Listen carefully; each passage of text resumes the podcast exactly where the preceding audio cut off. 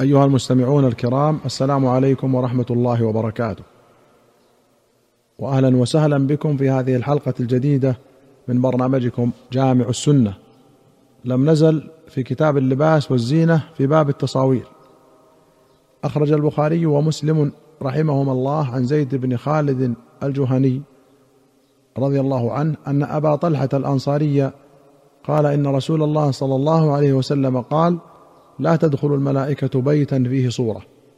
قال بسر بن سعيد ثم اشتكى زيد بن خالد فعدناه فإذا على بابه ستر فيه صورة.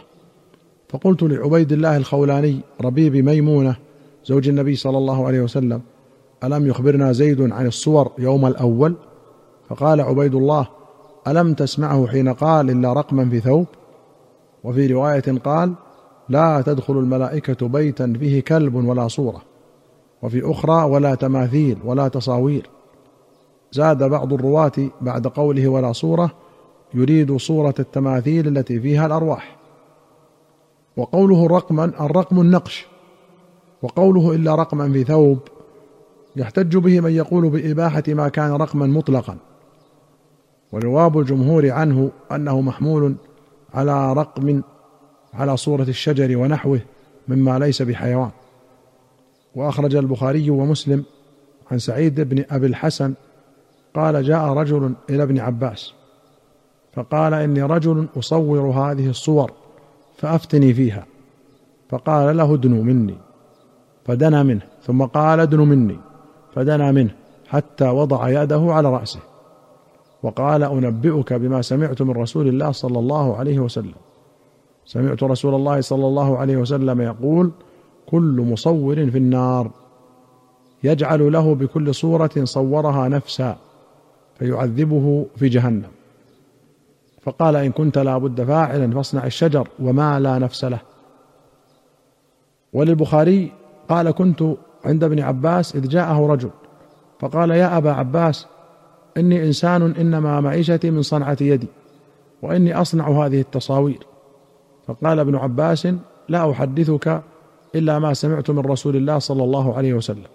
سمعته يقول من صور صورة فإن الله معذبه حتى ينفخ فيها الروح وليس بنافخ فيها أبدا. فربى الرجل ربوة شديدة واصفر وجهه فقال ويحك إن أبيت إلا أن تصنع فعليك بهذا الشجر كل شيء ليس فيه روح.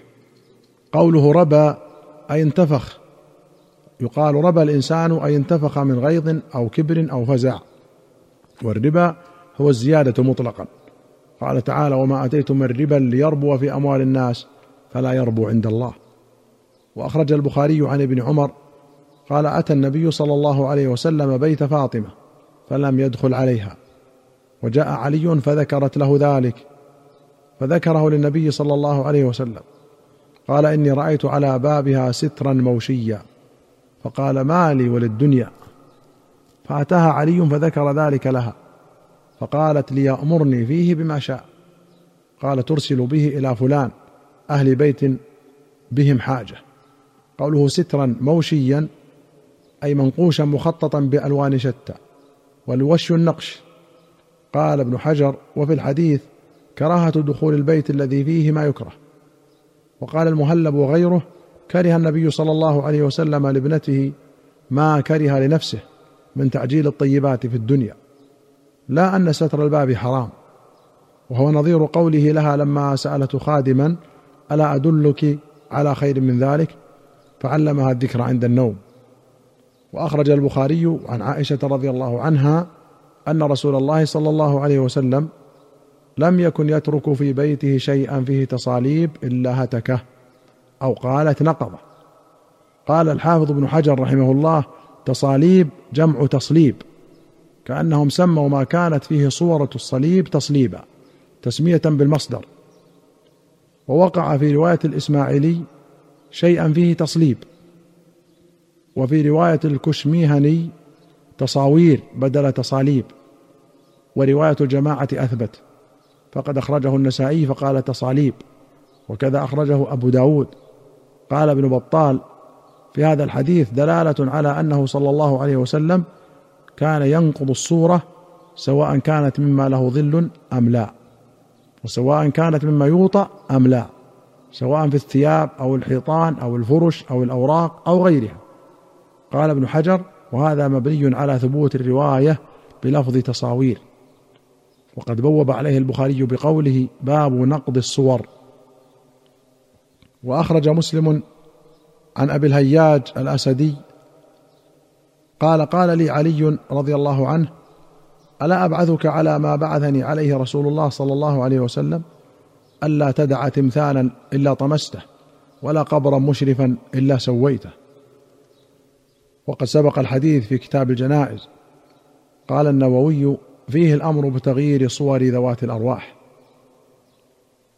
كتاب البيوع وما نهي عنه منها. أخرج مسلم رحمه الله عن أبي عثمان النهدي. قال سمعت سلمان الفارسي رضي الله عنه يقول لا تكونن إن استطعت أول من يدخل السوق ولا آخر من يخرج منها فإنها معركة الشيطان وبها ينصب رايته. وأخرج مسلم عن عقبة بن عامر رضي الله عنه أن رسول الله صلى الله عليه وسلم قال المؤمن أخو المؤمن. فلا يحل للمؤمن أن يبتاع على بيع أخيه ولا يخطب على خطبة أخيه حتى يذر. وأخرج الشيخان عن أبي هريرة رضي الله عنه قال نهى رسول الله صلى الله عليه وسلم أن يبيع حاضر لباد ولا تناجشوا ولا يبع الرجل على بيع أخيه ولا يخطب على خطبة أخيه ولا يزيدن على بيع أخيه. ولا يسم الرجل على سوم أخيه ولا تسأل المرأة طلاق أختها لتكفأ ما في إنائها. وفي رواية أن النبي صلى الله عليه وسلم قال لا تلقوا الركبان للبيع ولا يبع بعضكم على بيع بعض ولا تناجشوا ولا يبع حاضر لباد ولا تصروا الإبل والغنم فمن ابتاعها فهو بخير النظرين بعد أن يحلبها. إن شاء أمسك وإن شاء ردها وصاعا من تمر. وللبخاري قال من اشترى غنما مصراة فاحتلبها فإن رضيها أمسكها وإن سخطها ففي حلبتها صاع من تمر. ولمسلم قال من اشترى شاة مصراة فهو فيها بالخيار ثلاثة أيام إن شاء أمسكها وإن شاء ردها ورد معها صاعا من تمر. وفي أخرى له رد معها صاعا من طعام لا سمراء. المصراه هي الناقة أو البقرة أو الشاه يصر اللبن في ضرعها أي يجمع ويحبس ليظنها المشتري غزيرة اللبن. والسمراء الحنطة. قال النووي أجمع العلماء على منع البيع على بيع أخيه والشراء على شرائه والسوم على سومه فلو خالف أو عقد فهو عاص وينعقد البيع. والنجش حرام بالإجماع والبيع صحيح. والتصرية حرام وبيع المصرات صحيح مع أنه حرام. وللمشتري الخيار في إمساكها وردها مع صاع من تمر أو طعام. وهذا الصاع بدل من اللبن الذي شربه. وفيه دليل على تحريم التدليس في كل شيء. وأن البيع مع ذلك ينعقد. وأن التدليس بالفعل حرام كالتدليس بالقول. وفي هذه الأحاديث ثبوت الخيار في سائر البيوع المشتملة على تدليس أيها المستمعون الكرام إلى هنا نأتي إلى نهاية هذه الحلقة. حتى نلقاكم في حلقة قادمة إن شاء الله. نستودعكم الله. والسلام عليكم ورحمة الله وبركاته.